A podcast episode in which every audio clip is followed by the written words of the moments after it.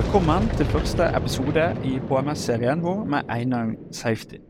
Denne serien er til for å gi mer innsikt i det viktige arbeidet rundt helse, miljø og sikkerhet. Først ut skal vi snakke om det fysiske arbeidsmiljøet. Og til dette har jeg fått med meg Karine Einang og Paul Henriksen. Velkommen skal dere være. Tusen, tusen takk. Tusen takk. Hvordan går det med dere?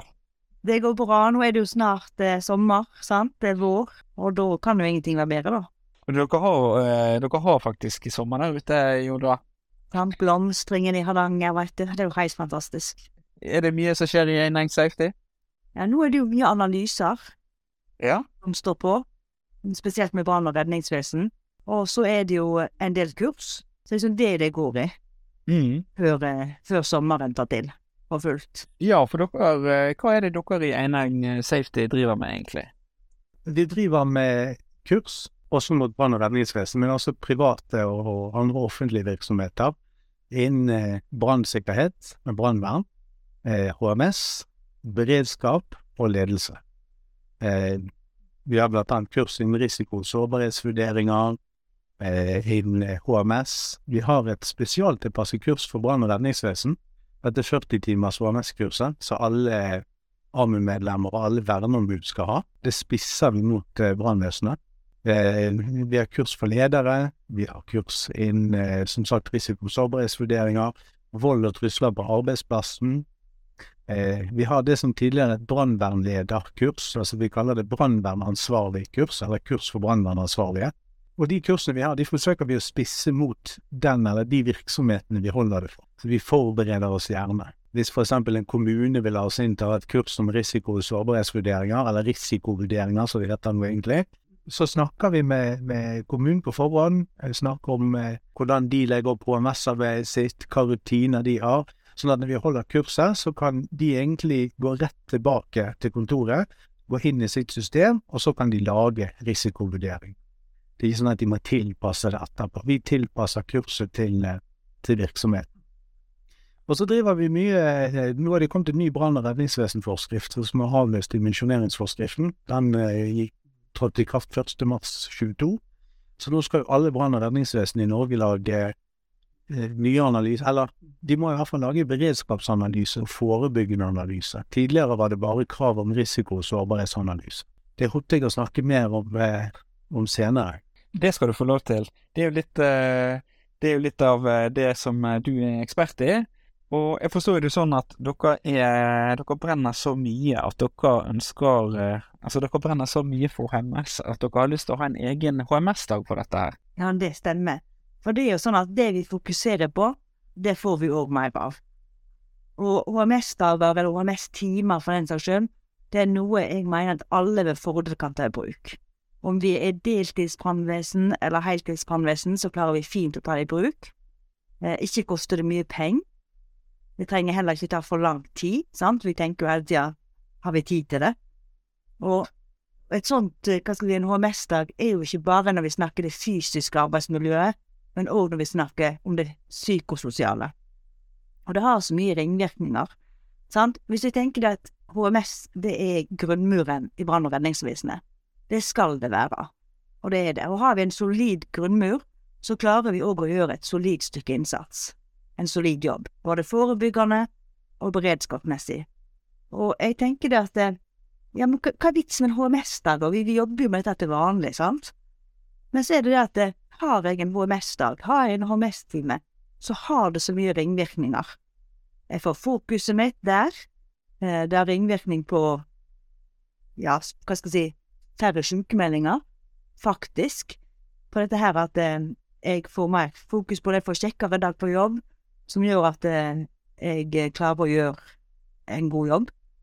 Jeg eh, skal kunne klare å komme trygt hjem igjen til de jeg skal komme hjem til. Og ikke minst så klarer jeg å gjøre en bedre jobb for innbyggerne. Det er jo de brann- og redningsvesenet er satt til å være der for. Mm. Nå tenker vi ofte hva skal jeg gjøre på en sånn dag, da? Og der er det bare fantasien som setter grenser. Sant? Og så er det òg det at Kan ikke vi spørre, da? Hva er det folk trenger? Hva er det folk ønsker? Og vi ser der vi har fått satt i gang HMS-dager, og der, der brann- og redningsvesenet eller andre virksomheter gjør disse HMS-dagene sine eller HMS-timene sine, så får vi best utbytte der vi får se hva er det vi egentlig ønsker sjøl. La oss si at du nå da, Eivind og Paul og jeg og ett brannvesen, så kan det være at det, det jeg tror at vi skal ha fokus på, det er helt noe annet enn hva det er der skoen faktisk trykker. Så vi må bare spørre. Det kan vi gjøre ved hjelp av bare så enkelt en, et spørreskjema. Hva er det dere ønsker på en HMS-dag? Eller vi bare sitter i lag og spør. Og hvis jeg Ja, din tur, Eivind. Ja, for det tenker jeg kan være hensiktsmessig. At man på en måte setter seg ned og faktisk setter av litt tid for å gjøre et godt arbeid rundt det. Altså, endring skjer hele tiden, og, og, og hvis man setter seg ned sammen med arbeidstakerne og, og på en måte får en oversikt over hva er det som faktisk kan være en risiko her, eller hva vi kan faktisk forbedre for å få et bedre AMS på arbeidsplassen, kan være veldig, veldig, veldig hensiktsmessig. Ja, det som også er viktig med en sånn dag, det er at, eller timer, det er at du får denne involveringen når du sitter deg ned med de ansatte, med ansattrepresentantene, med vernetjenesten, altså verneombudet, ledelse, så sitter man rundt samme bord og snakker sammen. Det er ikke sånn at lederne sitter med sitt HMS og HR-arbeid og økonomi, og så sitter de ansatte og, og gjerne føler at skolen trykker en annen plass enn det ledelsen har fokus på. Man får satt seg ned sammen, og det øker den felles forståelsen. Det er også mm. veldig bra for både det fysiske, men også det psykososiale arbeidsmiljøet. Altså, ja. Og jeg tenker jo liksom, det er jo veldig fint at, eh, at eh, det ikke bare lederne som er på toppen og bestemmer, at en kan få en, på en måte en medvirkning der, da. Eh, det, det tenker jeg er veldig, veldig fint, da. Eller hva tenker du, Karine?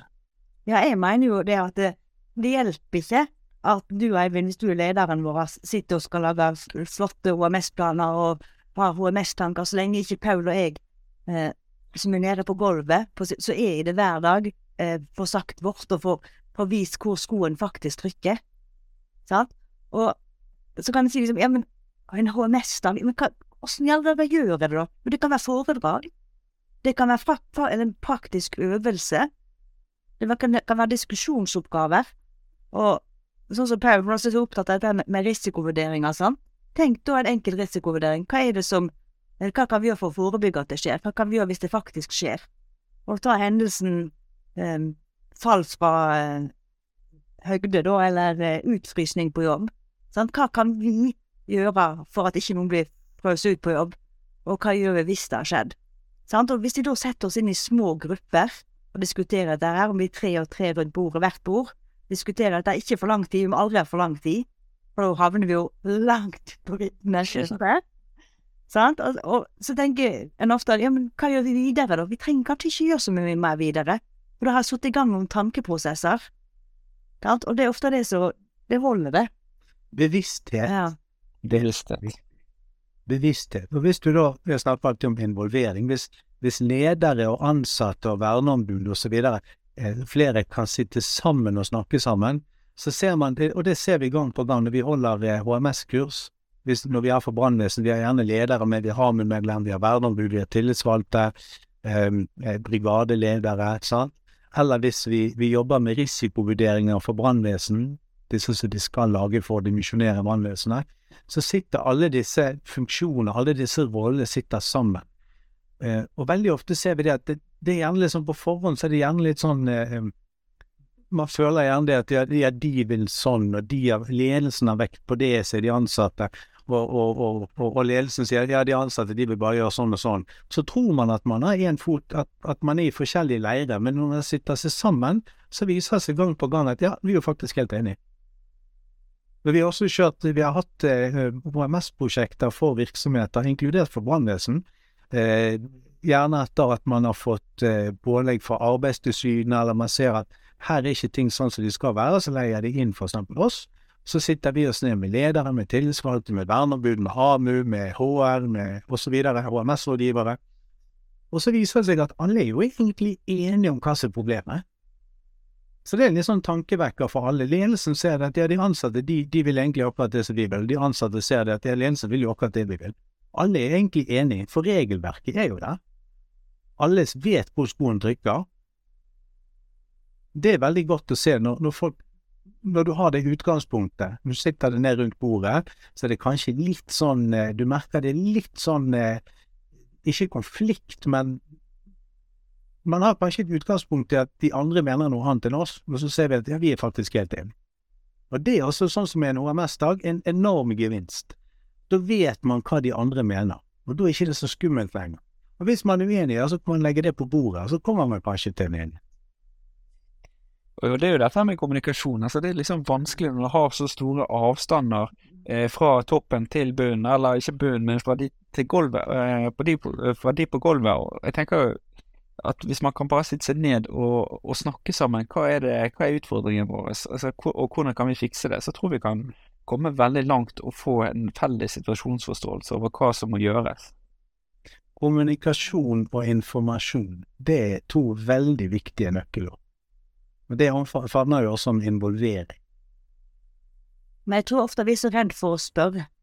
Sant? Vi er så redd for å eh, dra inn i anfallstegn de andre sant? uavhengig av hvem jeg er, hva rolle jeg har.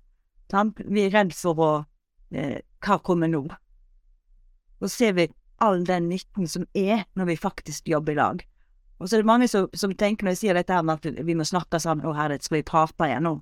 Sant? Det er jo bare prat, vi må, vi må gjøre noe òg. Mm. Men det er jo dette som jeg sa i stad med grunnmuren. Sant? Vi er nødt til å ha en solid grunnmur.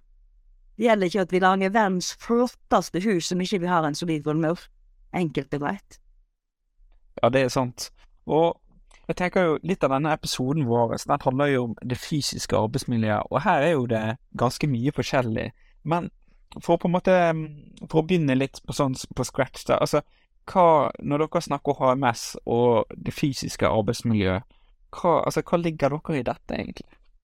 Det som vi legger i, altså eh, Det som egentlig beskriver det fysiske arbeidsmiljøet, det er det som påvirker oss, enten direkte eller indirekte. Sant? Eh, direkte bruk av kroppen, sant? at jeg eh, får en strekk, eller indirekte. Sant? Vi kan tenke det som har vært veldig oppe nå, dette her med sot, røyk. Det kan være inneklima. Det kan være brannbilen vår som ikke er god nok.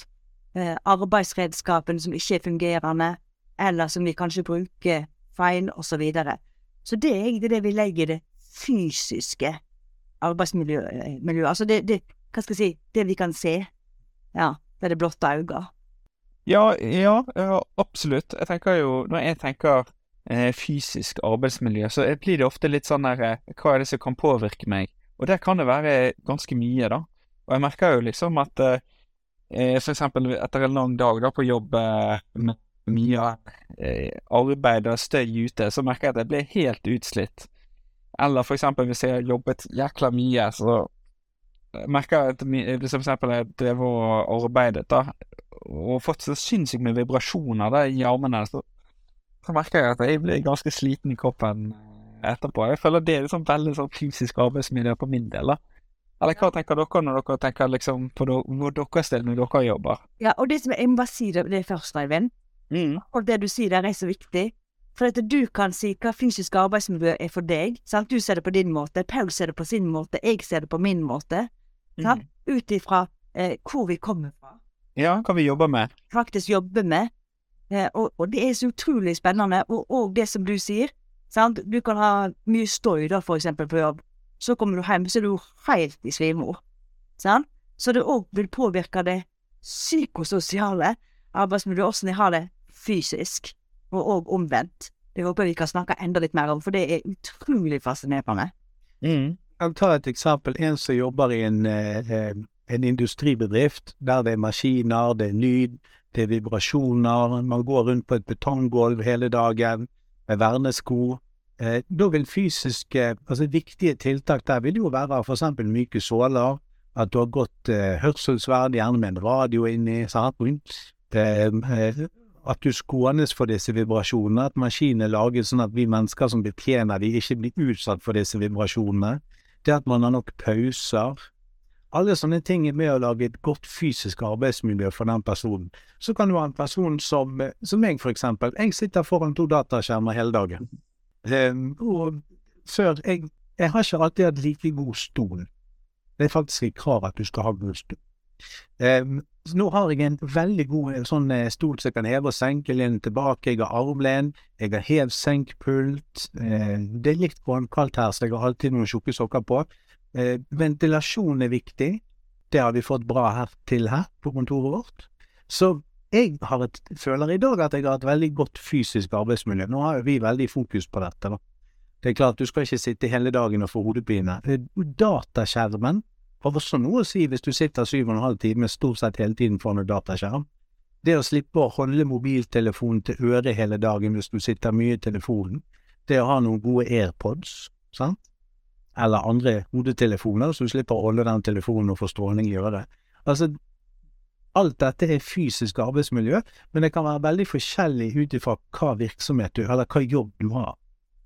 Og også innenfor samme virksomhet, i en industrivirksomhet, så har du mange som jobber på gulvet med maskinene og går rundt med hørselvern og vernesko, men du har gjerne også noen som sitter på kontoret. Du har noen som driver med HR, HMS, økonomi, lønn osv. Det er klart, de sitter på kontor foran en skjerm hele dagen. Og så må jeg bare ta, tenker bare sånn tilbake med en Si at du har en eh, gammel brannbil, da. Sant? Mm. Ja. Eh, og så har du Per og Pål. Per han syns den der bilen er helt forferdelig å kjøre. Sant?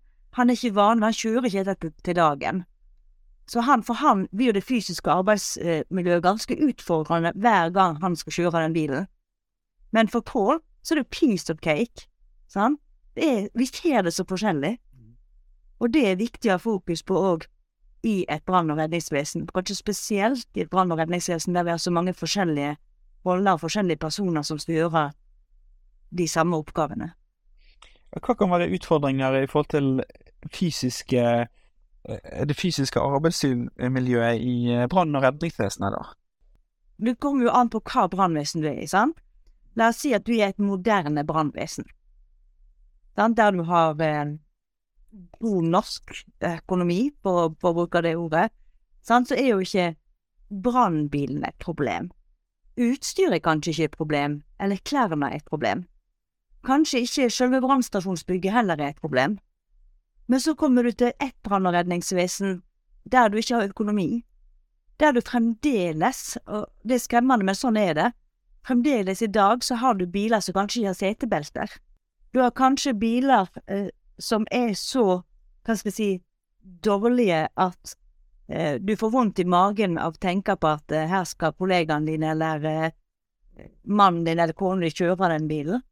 Du har utstyr som ikke er fungerende.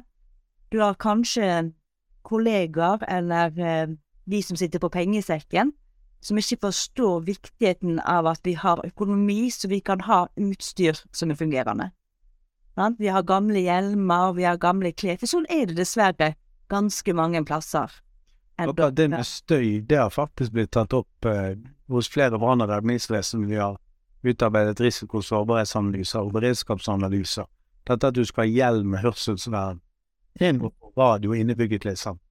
Hvis du skal stå ved siden av en pumpe i, i flere timer, så er det ganske mange desibel på den pumpen. Og hvis du ikke kan ha radiokontakt samtidig, sant. Det har vært en sånn utfordring med. Bare ett eksempel.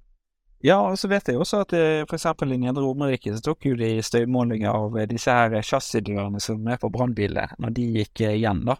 Og der var det så høy desibel at det, det var skadelig hver gang de skulle ta opp og, og ned disse dørene, da. Så det er jo fascinerende hva som på en måte hvor mye vi kan bli påvirket av arbeidet i brann- og redningsvesenet. Ja, så ikke vi tenker vel, så, eller så andre kanskje ikke tenker over. Sant? Mm. Dere har jo en bil. Eh, dere skal jo bare ta opp og igjen i dørene av og til. Sant? Eh, det er så mye Det er derfor dette arbeidet som Brann mot kreft har gjort nå, i forhold til det med, med eksponeringsfare, sant, at det er satt mer fokus på. Det var ikke sånn før. Vi hadde ikke fokus på det før. Men nå begynner små unger å, å forstå fokuset, sant? Bestemora forstår fokuset, på grunn av at det, det har vært en ting. det er faktisk sånn i dag hvis du det jeg har erfart, hvis du ringer til Arbeidstilsynet, ringer til svartjenesten og har noen spørsmål i forhold til rene og skitne soner og til å bli eksponert for giftige, altså brannfarlig røyk for eksempel, eh, så kan du få svaret der. Du blir ikke satt videre til en ekspert. Du får en god del gode svar allerede der. De har, de har jo lansert en kampanje på nå. Ja, det stemmer. De hadde jo den eh, kampanjen, eh, Arbeidstilsynet. Det var jo tema rundt dette med krav til fysisk arbeidsmiljø i brannstasjoner. og Jeg kom jo litt i sammenheng med at IAK eh, klassifiserte selve brannyrket som, eh, som eh, kreftfremkallende. Så nå er jo det litt sånn at det, her med det fysiske arbeidsmiljøet, det er jo i brann- og redningsvesenet det, det, kan jo man si at det er, det er helseskadelig å være brannfolk, da. At uh, det er det, selve yrket er brenn, uh, kreftfremkallende klassifisert som nå, da. Så det er, det er veldig fint at Arbeidstilsynet setter lys på dette her, da og hjelper oss i Brannmannen mot kreft. Og da er det viktig at eh, eh vi, vi, kan på en måte ha, ha kunnskapen om det, sant? At mm. vi har utstyret som gjør at vi ikke får den eksponeringen. At i alle fall kan redusere eksponeringen, sånn at folk får lov til å ha det yrket fremdeles. Mm. Kan være det, det yrket uten å være redd. Absolutt. Så hva må vi egentlig jobbe med rundt dette her med det fysiske arbeidsmiljøet? Hva er det vi kan bli flinkere på? Det er tre ting. Fokus, holdninger og forståelse. Sånn, som dere da, eller arbeider i Brannen mot kreft. Brannen mot kreft er de har satt fokus på kreftfaren. Det har gjort at holdningene våre har jo endra seg. De begynner å endre seg litt og litt, ser du det? Sånn? Og til slutt da, dette her med, hva skal jeg si, forståelse. Da får vi jo økt forståelse. Da skjønner vi det mer. Og en annen ting, sant, dette her med å snakke forståelse, som jeg mener er veldig viktig, og som er viktig at vi forstår, at ting kan ikke alltid løse seg over natta. Rom, det ble ikke bygd på en dag. Hvis vi skal bygge et eh, nytt brannvesen, eller et brannvesen som måtte tilfredsstille alle eh, HMS-regler, så det er heller ikke gjort over natta. Ting tar tid. Vi er nødt til å ta det viktigste først. Sant? Vi må begynne en plass, og så tar vi steg for steg. Og, for det dukker opp hele tida nye risikoer sant, som ikke vi visste om. Vi får nytt arbeidsutstyr som vi skal ta i bruk, som vi skal lære oss å kjenne. Vi får ny kunnskap. Ofte så får vi jo ny kunnskap på grunn av for eksempel, dessverre, ulykker eller hendelser som skjer, men vi får nå i alle fall ny kunnskap. Så enkelt er det. Og alt det, dette er til sammen det gjør jo at HMS er noe vi må jobbe kontinuerlig med. Det er ikke hvor vi bare kan gjøre sånn, og så har vi alt på plass. Steg for steg, hele tida, så må vi tenke det. Og da må vi ha den tålmod, si, tålmodigheten for situasjonen, og for at ting faktisk tar tid. Mm. Og vi kan alltid bli bedre. Ja. Fokus, holdninger og forståelse. Og der kommer det med involvering inn, ja. sant? For vi vil jo gjerne ha gjort alt med en gang. Og hvis du da sitter det der med verneombud, med tillitsvalgte, ansatte, eh, sine representanter og, og ledelsen, sant? Så ledelsen har jo økonomiansvaret. De jobber jo gjerne opp mot politikerne og administrasjonen. De vet at det tar gjerne tid å få bevilget og få planlagt og sånn. Eh, man vil gjerne ha gjort det med en gang. Og så sitter vernetjenesten og, og, og ansatte på andre siden, og de vil jo ha gjort det helst i går. Så det at man sitter seg sammen og snakker litt, får økt denne forståelsen, får endret holdningene til mannskapene og til ledelse og til verneombud og hele pakken, alle som jobber i brann- og redningsvesenet. Og ha fokus på det. Da vil ting skje, men det vil ikke skje over natt. Og så tenker jeg også videre at alle på en måte klarer å informere videre om hva som er utfordringene. At folk er liksom flinke og bruker den medvirkningsplikten sin og bare mm. faktisk, faktisk forteller dette her er et problem, dette må vi gjøre noe med. Og ikke bare selv om det tar tid, selv om det eh, ikke har gått den gangen, så, så må man fortsatt bare pushe på og stå for det som er rett. Det er et godt poeng, medvirkningsplikten. Alle må medvirke. Jeg kan ikke bare sitte på gjerdet og, si klage eller og, og melde inn avvik. Jeg må faktisk bidra til å få gjort noe med Og jeg tenker også det med som du, det var egentlig både du, men også du og Eivind sier dette med informasjon, sånn at ting tar tid. Eh, Så lenge jeg får beskjed, sant, at det jobbes med, Mm. at, at vi gjør grep, hva er det vi gjør, så føler jeg meg eh, som en del av laget òg. Men hvis ikke jeg veit noen ting Kanskje det jobbes kjempebra med OMS-en, men jeg ikke veit noen ting om det. Sant? Det er da surmulingene kommer, det er da stresset kommer. Sant? Så blir kanskje det psykososiale arbeidsmiljøet ikke godt nok, og så smitter det over på jobben du gjør, og er det fysiske, og så har du det foran deg. Og det, det har vi sett flere, altså gang på gang, både når vi har hatt eh, prosjekter i forhold til HMS, eh, og når vi har kurs, HMS-kurs, eh, både for brann- og redningsvesen og for andre virksomheter, men nå snakker jeg spesielt om brann- og redningsvesen her, eh, så ser vi at det er gjerne ikke en isfront, men det er kanskje, du, du merker at det er kanskje ikke den beste tonen når du sitter deg ned på oppstartsmøter, når du sitter deg ned på kursdag nummer én, eh, HMS-kurset 40 timers brød over fire dager, sant? Eh, men etter hvert som man snakker sammen, så ser du at det, det løsner veldig opp. Det ser vi gang på gang at de ansatte forstår at å ja, ledelsen vil jo akkurat det samme som oss. De har jo faktisk jobbet med å få ting til å fungere, løse utfordringer og problemer som vi har. Ja, og så på en måte hele tiden ha en, en, en dialog da på at det her gjøres noe med, sånn at folk kan se liksom progresjon og komme med en statusoppdatering. Hva har vi gjort nå? Hva, hva kan vi gjøre? Altså, hvor er vi i løypen? Sånn at folk ikke begynner å kose seg med misnøyen. Ja. Hva det, det er sånn uttrykk du er alltid med på kurser. Eh, tomrommet som skapes av manglende informasjon, fylles raskt av sladder, vrøvl og gift. Ja. Ja. Mm. Det har vi alltid med på HMS-kurset, og i flere andre kurs òg, for det, det er et veldig godt sitat. Når folk ikke vet hva som skjer Tenk om du, du har en utfordring med et fysisk, arbeid, fysisk arbeidsmiljø på en brannstasjon, f.eks. Du har ikke god nok ventilasjon, du har ikke rene skitne soner, du har ikke herre- og damegarderobe adskilt. Det er krav, sant? Eh, og så sitter de ansatte, vernetjenesten, verneombud, de sitter og sier ja, det skjer jo ingenting, og vi får ikke midler, og sånn har det vært i mange år, og vi fikk avvik i 2016, og Arbeidstilsynet hadde runden sin. Eh, men så sitter kanskje ledelsen på sin side og jobber iherdig opp mot administrasjon og politikere for å få dette gjort. Men man er nødt til å snakke sammen. Involvering er utrolig viktig. Så uansett hva prosjekter man har, om de, eller vi har, prosjekter eller kurs for brann- og redningsvesen for andre virksomheter, vi forsøker alltid å få ned verneombud, eh, altså vernetjenesten, AMU, tillitsvalgte, sammen med ledelsen. For det første så får du informasjon fra grasrota i virksomheten, sett at det er et brannvesen.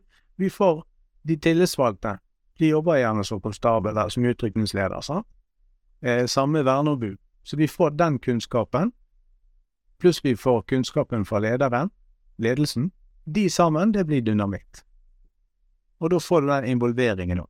Og da roer det seg gjerne i organisasjonen, hvis det er en utfordring. Ja, fordi det som er, er på en måte eh, hva si, clouet, da, er at eh, vi må si at vi er ett team. Vi er ikke to team, vi og de. Vi er ett team, vi er ett brannvesen. Vi har én ting vi skal gjøre, og det er å gjøre innbyggernes beste. Enkelt og greit. Hvordan skal vi kartlegge dette her fysiske arbeidsmiljøet? Det er jo mange måter, Eivind, som vi kan bruke for å kartlegge det fysiske arbeidsmiljøet. Det er et sånn typisk spørsmål som vi får spesielt på kursene. Eh, hva er det vi kan gjøre for å kartlegge det fysiske arbeidsmiljøet? Sant? Og eh, liksom den tradisjonelle, det vi alltid gjør, er jo vi bruker vernerunden. Eh, Men det er ikke alltid vi får nok ut fra den. Så på kurset så pleier deltakerne å få en sånn spesialtilpassa vernerunde, som går både på det fysiske og på det psykososiale. Men jeg syns dere to har sagt det så bra i dag, dette her med å kunne snakke sammen. Sant? De gruppesamtalene, der får vi mye gull når vi snakker oss som vi kartlegger. Gruppesamtaler, kartleggingsskjema, spørreundersøkelser. Og da kan vi spørre så enkelt at vi kan egentlig bare spørre hva syns du er dårlig med vårt eh, fysiske arbeidsmiljø, og hvorfor? Og hva syns du er bra med vårt fysiske arbeidsmiljø, og hvorfor? Så det høres så naivt enkelt ut, men det er utrolig mye gull å hente med bare å stille de to spørsmålene. Du kan få mange overraskelser en sånn spørreundersøkelse. Ja. Det er det mange som får når de gjør det. Det ser vi når, de, når vi jobber opp mot virksomheter, at det kommer en del overraskelser. To spørsmål, så enkelt, og så bare vi får så mye gull ut av det. Så er vel ikke alle de svarene lederne eller de rundt forventer å få høre. Eller? Det, det er ikke alltid det. Og så er det det at det, eh, ofte så er det den som eh, kanskje ikke sier så mye til vanlig, som kommer med ting som ikke lederen har tenkt på. Sant? Eller som det er så mye gull bak. Mm. Men de sitter inne med det, og så, når de endelig kan skrive det, da, få det ned på papir og levere det inn, gjerne anonymt, så er det en trygghet for dem. Mm. Veldig bra. Da tenker jeg at vi kan begynne å runde av med denne episoden om det fysiske arbeidsmiljøet. Eller hvis dere skulle oppsummert det her med det fysiske arbeidsmiljøet, hva skulle dere sagt da? Vel, vi har sett litt på hva det fysiske arbeidsmiljøet faktisk er. Det er de fysiske faktorene rundt oss som vi jobber i. Altså alt fra bygninger til verneutstyr, til hva vi kan utsettes for av lyd, vibrasjoner osv. Så, videre. så har vi snakket om viktigheten av involvering, dette med fokus, holdninger og forståelse. Og så har vi sett litt på hvordan vi kan kartlegge det fysiske arbeidsmiljøet. Veldig bra. Da tenker vi runder av. Takk for nå. Takk for oss. Takk for laget. Ha det bra.